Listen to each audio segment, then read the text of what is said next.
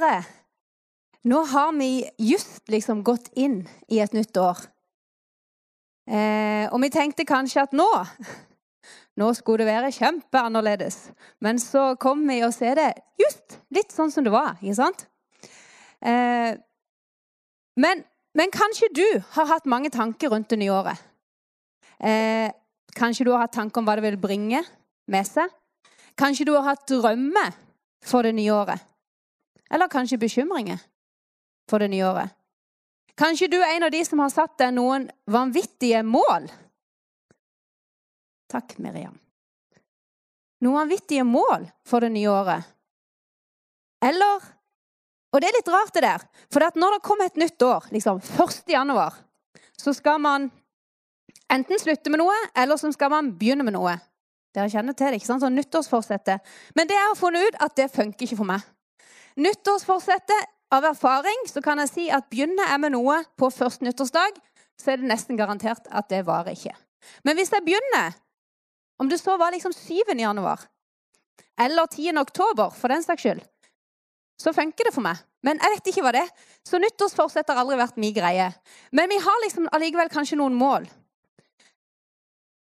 Men, men kanskje du er her som har mista litt motet da du gikk over til det nye året. For kanskje du har stått i noe i lang tid. Og så bare følge det etter deg på en måte sånn, inn i det nye året. For det er noen sånne ting.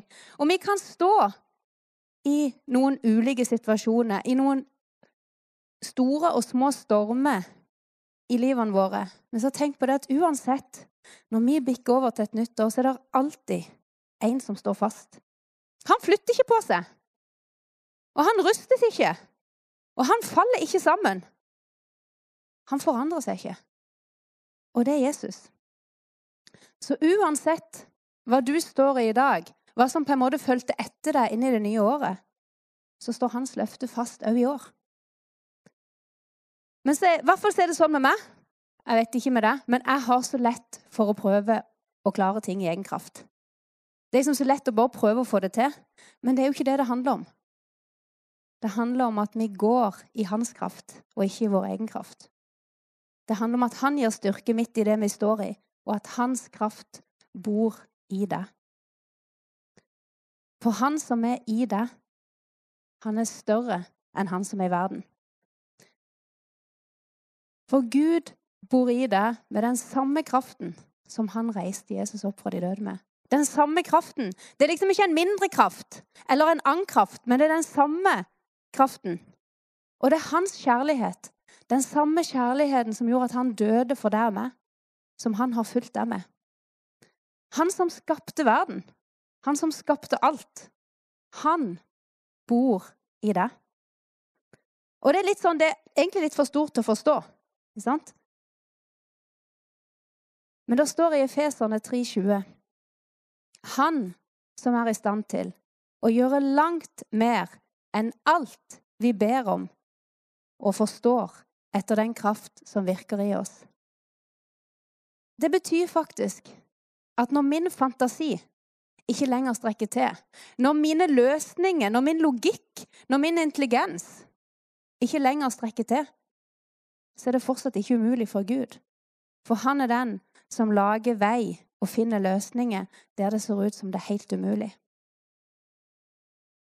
Han bor i det. Tenk hvor nærme, tenk hvor fantastisk det er når vi går inn i det nye året, at han bor i det. Han er nærmere enn pusten. Talen i dag har jeg kalt 'Slik jeg har elsket dere, skal også, eller skal dere elske hverandre'. For vi er ikke bare kalt til å være sammen med Jesus, men vi er også kalt til fellesskap med hverandre. Og vi er kalt til å elske hverandre sånn som Jesus elsker oss. Og det er ikke alltid så lett. Men det står faktisk det i Johannes 13, 34-35. Et nytt bud gir jeg dere, og det er Jesus som sier dette. Dere skal elske hverandre slik jeg har elsket dere, skal dere elske hverandre. Av dette skal alle forstå at dere er mine disipler, om dere har kjærlighet til hverandre. Så Jesus sier at vi skal elske hverandre sånn som han har elsket oss.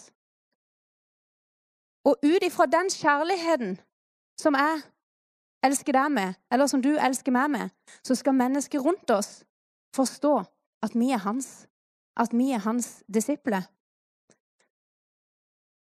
Og dette er selvfølgelig ikke vår menneskelige kjærlighet, men det er den kjærligheten som Gud har lagt ned i oss. En betingelsesløs kjærlighet. En kjærlighet som tåler. En kjærlighet som ikke handler om at vi går i vår egen kraft, men en kjærlighet som handler om at vi er fulgt med hans kraft, med hans kjærlighet. Romerne 5.5 sier og håpet gjør ikke til skamme, for Guds kjærlighet er utøst i våre hjerter ved Den hellige ånd som blir gitt oss. Så det er ikke sånn at det er noe vi skal prøve å få til. Det er ikke en kjærlighet vi skal prøve å dra til oss, men det er en kjærlighet. Det er Guds kjærlighet som er utøst i våre hjerter. Vi har fått det når vi tok imot Jesus, så den utøst i våre hjerter. Og det er hans kjærlighet til mennesket. Hans kjærlighet til oss. For vi kan ikke klare å elske hverandre sånn som Jesus elsker oss, med den kjærligheten som vi bare har i oss sjøl. Til det så trenger vi den kjærligheten som Gud har lagt ned i oss.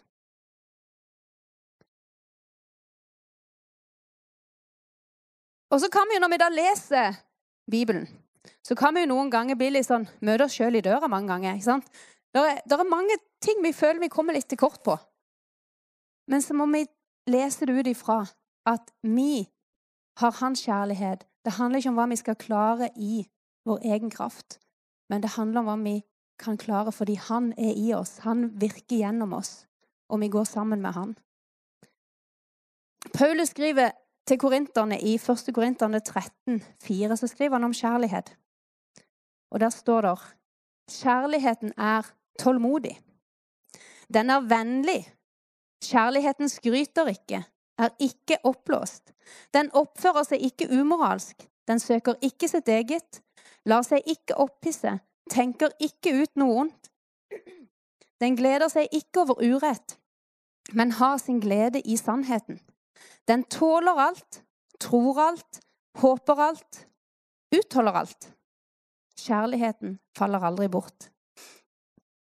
Klarer du å tegne dette? Og vi kunne kanskje ha skrevet 'Jesus er her', for dette er jo Jesus. For Jesus er kjærlighet. Og det handler jo ikke om en kjærlighet i oss sjøl, men hans kjærlighet. Og Kanskje det er noen her som kan si at 'ja, dette får jeg til alltid'. Og Hvis du er her, så vil jeg gjerne ha oppskriften, for dette får ikke jeg til alltid. Det kan jeg love deg. Det er ikke alltid jeg er tålmodig. Det er ikke alltid jeg er like vennlig. Det er ikke alltid jeg tåler kanskje det jeg burde tåle. Og det er ikke alltid at jeg møter mennesket på den måten som Jesu kjærlighet gjør. Mm. Men det handler om at vi lever i relasjon til Han. Og i relasjonen til Han så vokser vi i dette. Sammen med Han så blir vi mer og mer kjent med hvem Han er. Og Han forvandler oss fra innsida.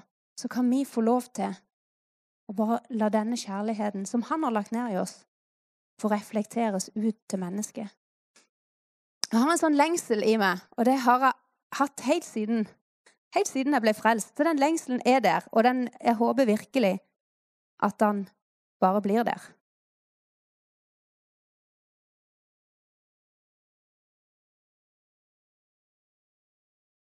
Der forsvant det. Og Jeg håper virkelig at den lengselen bare forblir der. For det er det å ha en lengsel etter å få lov å kjenne han mer, å få lov å kjenne han dypere Det å ha en lengsel etter å en, få en større forståelse av hvem han er, en større forståelse av hva han har gjort for meg en større forståelse av hva det betyr for meg at han døde på korset for meg. En større forståelse av hvem jeg er i han. Det gjør jo at vi ønsker å søke lenger. Vi ønsker å gå noen nye skritt.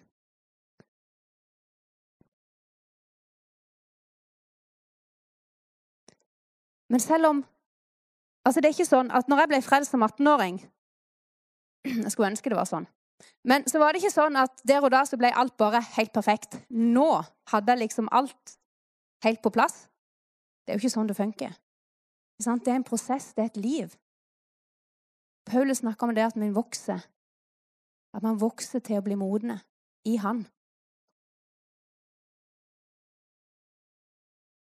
Men det handler om at vi tar noen valg. Vi velger om vi vil ta de skrittene. Vi velger om vi vil søke Han. Vi velger om vi vil fylle oss med det som Han har for oss. For hvis vi har en lengsel etter å leve sånn som Bibelen sier vi skal leve, så må vi jo søke det i Bibelen. For det er Hans ord. De står alltid fast.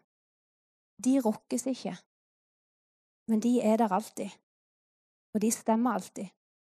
Og Hans løfte står alltid fast. I Efeserne 4, 1-6, så står det Jeg som er fange i Herren, formaner dere da til å vandre verdig det kall dere ble kalt med, med all ydmykhet, mildhet og tålmodighet, så dere bærer over med hverandre i kjærlighet. Og legg vind på å bevare åndens enhet i fredens bånd. Det er én kropp, én ånd, slik dere blir kalt i ett håp ved deres kall. Det er én Herre, én tro, én dåp, én Gud og alles Far, Han som er over alle, gjennom alle og i dere alle. Paulus har mange sånne der han forteller oss hvordan er det vi skal oppføre oss mot hverandre. Hvordan er det vi skal være mot de som vi møter, mot menneskene vi møter. Og det er klart at Paulus han snakker ut ifra et liv med Jesus. Han snakker ut ifra et liv hvor hans kjærlighet er utøst i våre hjerter. Hvor hans kraft er på innsida av oss. Hvor man har fått et nytt liv. Han snakker ikke ut fra at dette er noe vi skal gjøre i egen kraft og prøve alt vi kan. Men han snakker om at dette er noe som skjer fordi vi lever i relasjon med ham. Da kan vi møte mennesket med mildhet, med tålmodighet, med kjærlighet, med overbærenhet og med raushet. På en helt annen måte enn det vi kan gjøre bare i oss sjøl. Neste punkt. Du er kalt til å leve annerledes fordi du er en ny skapning. Det står i 2. Korinterne 5,17.: Om noen er i Kristus, er han en ny skapning. Det gamle er forbi. Se, alt er blitt nytt. Og så står det i Galaterne 2,20.: Jeg er blitt korsfestet med Kristus. Det er ikke lenger jeg som lever, men Kristus lever i meg. Det livet jeg lever her i kroppen, lever jeg i tro på Guds sønn, han som elsket meg og ga seg selv for meg. Jeg er veldig glad i Bibelen, så det kommer ett bibelvers til her. Og jeg tror at Bibelen taler mye mer enn det mine ord taler. For dette er Guds ord til oss. Vi er kalt til å leve et nytt liv i Han. Vi er kalt til å leve annerledes enn det verden lever. Vi er kalt til å leve annerledes enn det vi levde før vi møtte Han. Efeserne 4, 21-24. Så sant dere virkelig har hørt ham og har blitt opplært i ham, slik sannheten er i Jesus, da må dere avlegge det som hører til deres tidligere livsførsel. Det gamle mennesket, det som blir fordervet ved de forførende lyster, og blir fornyet i deres sinns ånd, og ikle dere det nye mennesket som er skapt etter Gud, ved sannhet, rettferdighet og hellighet. Det er fantastisk. Men det som kommer fram her, er jo det at vi må faktisk gjøre noe sjøl. Det er ikke sånn at når jeg står opp på morgenen, eh, så sier jeg til klærne 'Kom på meg'. Altså, Vi må jo ta på oss jakka. ikke sant? Jeg måtte fysisk ta på meg jakka. ikke sant? Eh, og det står her 'ikle dere'. står der. Det betyr at vi tar på oss. Ikke sant? Vi må ta noen skritt, vi må ta noen valg. Det er ikke bare sånn at det kommer til oss som eh, sånn, dette i hodet på oss. Vi må faktisk gjøre noe. Vi må gå noen skritt. Og så ja, det er i Guds kraft, men vi må ta valgene. Men det er Jesus som gjør forvandlinga. Og når vi leser Bibelen, og jeg tenker spesielt på evangeliene, så ser vi mange historier. Og i de historiene så møter Jesus mennesket. Og når man leser disse her, så kan man jo mange ganger tenke at ja, men Jesus, hvorfor peker du ikke på det han hadde gjort? Eh, hvorfor fortalte du han ikke hvor ille dette her egentlig var? Hvorfor har, kommenterte du ikke? Du, du, sa jo ingenting. Du sa bare 'din tro har frelst deg'. Eller du bare stilte spørsmål. Eller du bare inviterte de hjem. Eller inviterte deg hjem til dem. Men det er jo i møte med Jesus kjærlighet at de fikk sitt liv forvandla. Ikke på grunn av ord, sterke ord om hva de hadde gjort galt, men fordi i møte med hans kjærlighet så opplevde de at det var noe som ikke stemte på innsida. For kristenlivet det handler ikke om å prøve å få noe til. Det handler om at han som bor i oss, hjelper oss til å ta de skrittene som vi trenger å ta.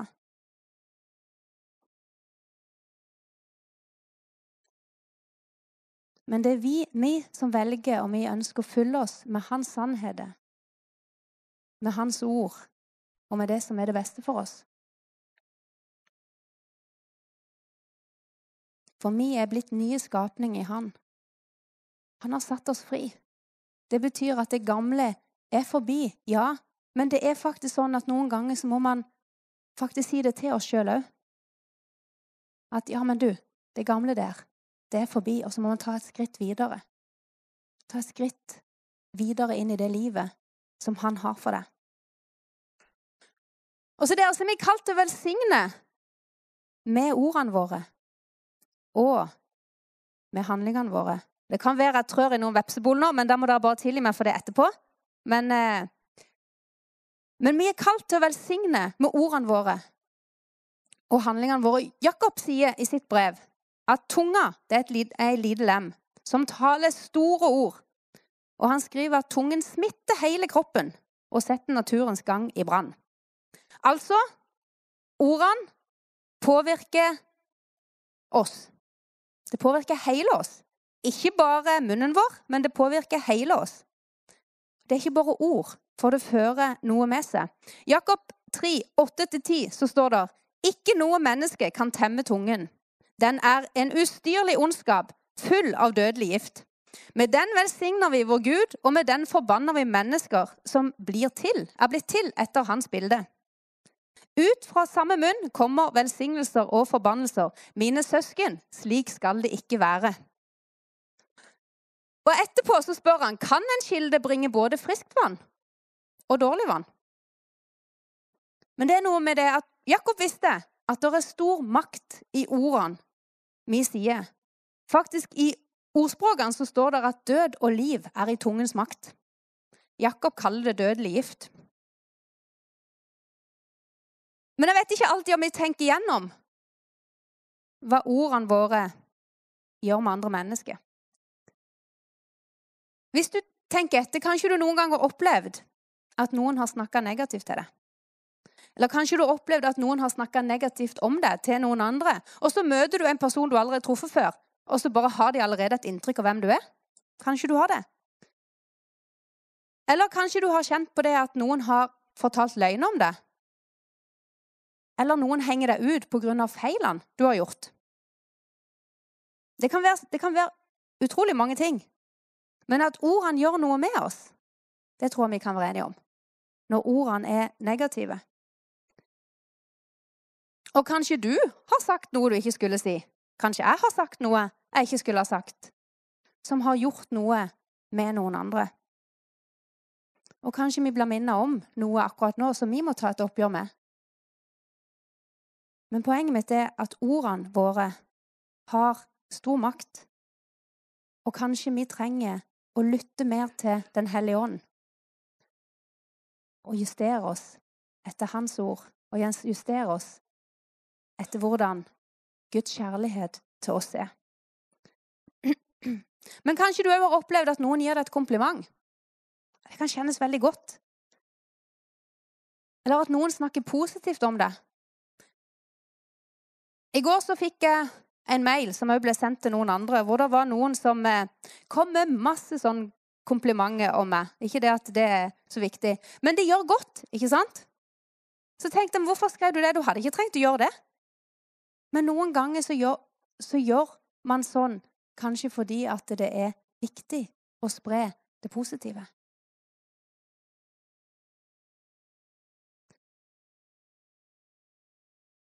Men ordene våre, om de er positive eller negative, så gjør det noe med de rundt oss. Og det er ikke bare ordene, men det er tonefallet og måten man sier det på.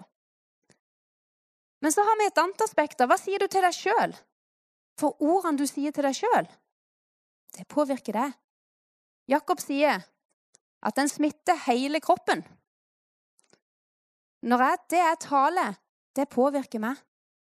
Om det er til meg sjøl, eller om det er ord om andre. Dersom du f.eks. For forteller deg sjøl gang på gang at du er så dum Du er så dum. Så gjør det noe med deg. Eller hvis du sier til deg sjøl til stadighet at 'jeg får aldri til noen ting'. Det gjør noe med måten du ser på deg sjøl på. Og så i tillegg er det en løgn, for det er klart du får til noe. Vi trenger å snakke sannhet til oss sjøl òg. Snakke positivt til oss sjøl. Og selv om dette kan høre litt sånn flåsete ut, men når du står opp, se deg i speilet og si 'God morgen, dette blir en god dag'. God morgen, i dag skal vi gjøre noe viktig. I dag skjer det noe nytt. Altså, Prøv å være positiv til deg sjøl når du står opp. Så legger du lista for hvordan du møter dagen. OK, Efeserne 4, 29. Nå kommer, nå kommer det litt hardkost her. La ikke et eneste råttent ord komme ut av deres munn, men bare ord som tjener til nødvendig oppbyggelse, for at ordene kan gi nåde til dem som hører på. Og så er Feserne 5,4. Heller ikke skamløshet, tåpelig snakk, upassende spøk, men heller takketale. Og så er Feserne 4, 31-32. La all bitterhet, vrede, sinne, skrik og ond tale være langt fra dere. Sammen med all ondskap, vær gode mot hverandre, vær barmhjertige, tilgi hverandre slik Gud har tilgitt dere. Og Jeg tror vi alle kan skrive under på at vi har gått i disse fellene noen ganger. Det er ikke sånn at vi får dette til hele tida. Men det handler om å være bevisst ordene vi bruker. Men Paulus snakker her ut ifra et liv med Jesus. Ut ifra hans kjærlighet. Og så vokser vi i relasjonen til han. Vi modnes i måten vi snakker med hverandre og til hverandre på. Og så snakker jo Paulus dette inn i en kontekst, mest sannsynligvis fordi at efeserne trengte å høre dette. Fordi det var noe som foregikk der òg. Så han sier det til mennesket som var født på ny, hadde tatt imot Jesus, men som opplevde at dette var vanskelig. Men så er det jo ikke bare når vi snakker til hverandre. Det her jeg kan tråkke et vepsebol. Men det er ikke bare når vi snakker til hverandre. Når Paulus skrev dette, eller når Jakob skrev dette, så hadde de ikke PC og Internett. Men for meg så kan det se ut som det er lettere å bare skri, altså skrive ting som man kanskje ikke hadde sagt. Hvis man har et tastatur foran seg. Når du ikke ser personen. Når du ikke vet hvem som egentlig er andre enden. Og det kan være nedlatende ord, stygge kommentarer. Altså personangrep som går i kommentarfeltet på Facebook. Og så tenker jeg, hva gjør det med de som leser det? Hva gjør det med den personen som har lagt ut noe, og som kanskje i utgangspunktet ikke hadde ment noe vondt? Men så er det noen som er uenig. Så sier jeg ikke vi ikke har lov å være uenig, for det har man lov til, og det må man leve med. Men det handler om måten man ordlegger seg, og språket man bruker. For det går an å si ting på en måte som ikke angriper menneskers intelligens, eller ei gruppe med mennesker, eller snakker negative personkarakteristikker over noen. Og faktisk er det sånn i dag at det er mennesker som virkelig sliter etter at de har fått negative kommentarer på nett. Det gjelder ikke bare ungdommer, men det gjelder òg voksne. Fordi at det er så utrolig vondt, og så blir du sittende med det alene, og så vet kanskje så veldig mange hva andre har sagt til deg og om deg. Så jeg tenker at vi som har tatt imot Jesus, når vi setter oss ned med tastaturet, så må vi tenke gjennom hva vi skriver, litt mer enn én en gang. Så må vi tenke er det alt vi trenger å si? For uavhengig av om det er en skriftlig kommentar eller noe som er sendt skriftlig, eller om det er noe du sier, så har de ordene du sier, stor makt. Og så må jeg bare gjenta det, det er ikke meninger jeg snakker om, for vi har lov å ha forskjellige meninger. Absolutt ikke det. Det kan man kommentere hvor mye man vil. Men det handler om når man kommenterer på en sånn måte at det snakker ned mennesket. Å kommentere sak, eller å snakke sak, og være litt sånn diskutere sak, det er noe helt annet. Både muntlig og skriftlig. Selv om det er mye man kan unngå. Men er alt nødvendig å si? Hva er filteret ditt? Altså Når man lager kaffe, så har man et filter. ikke sant? Og Det er jo selvfølgelig for at gruden ikke skal komme igjennom. For hadde gruden kommet igjennom oppi kaffen, så kan jeg love deg, da hadde ikke jeg drukket den. Eh, for det liker jeg ikke. Men hvis det bare er kaffe uten kaffegrud som kommer igjennom Kaffe det er det beste jeg vet på morgenen. Sant? Men hva er filteret vårt da for hvordan vi snakker til mennesket? Eller hvordan vi ser mennesket. Jeg ønsker at mitt filter skal være at jeg ser mennesket igjennom Jesu kjærlighet, og at jeg snakker til mennesket igjennom Jesu kjærlighet. At filteret mitt er Den hellige ånd. Men hva slipper gjennom filteret mitt? Og hva er filteret ditt? Hva slipper gjennom ditt filter? Er det litt grud som slipper gjennom? Litt for mye grud? Eller er det sånn at du tar, og at jeg tar, noen valg som gjør at mindre grud slipper gjennom? Regner med dere er med på bildet mitt. Jesus møtte mennesker med kjærlighet.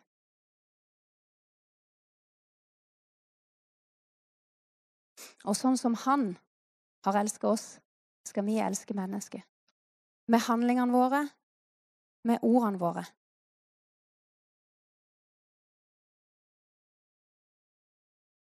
Og det er i Han, og den kjærligheten er utøst i våre hjerter. Så jeg håper vi kanskje nå det nye året, siden ikke det første, første nyttårsdag, så kan jeg si dette. Jeg håper vi, nye, når vi går det nye året i møte, kanskje kan ta oss litt ekstra tid til å tenke igjennom hva vi sier i møte med mennesket. Og tenke det er Jesus som er mitt filter. Det er hans kjærlighet som er mitt filter. Og kanskje du, enten du er hjemme eller du er her, har kjent på at 'oi sann, det var ikke så bra, det jeg sa'. Eller 'nå var du litt hard, Bjørg Marie'. Og det kan godt være, det kan godt være jeg. Men da kan du få lov til å si 'OK, beklager', så kan du begynne på ny. For med Jesus er det alltid blanke ark. Det er alltid ny nåde. Det er alltid en mulighet til å begynne på ny. En mulighet, for han gir aldri opp. Det er ikke sånn at hvis jeg gjorde noe i går, så henger det med meg. Hos Jesus så er det allerede lagt vekk.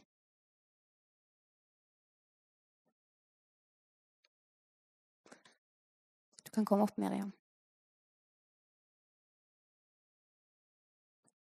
Bare ta oss og be. Takk, Jesus, for din kjærlighet som er utøst i våre hjerter, Jesus. Takk for at du gir oss styrke og kraft til å leve på den måten som du tenker best for oss. Takk for at du bor i oss med din ånd.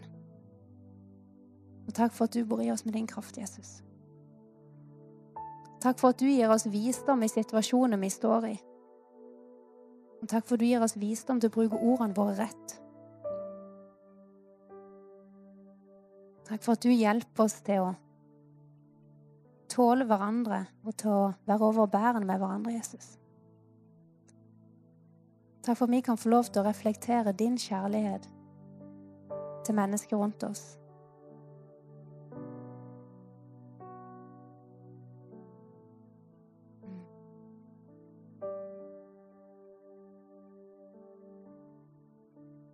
Slik jeg har elsket dere, skal dere elske hverandre.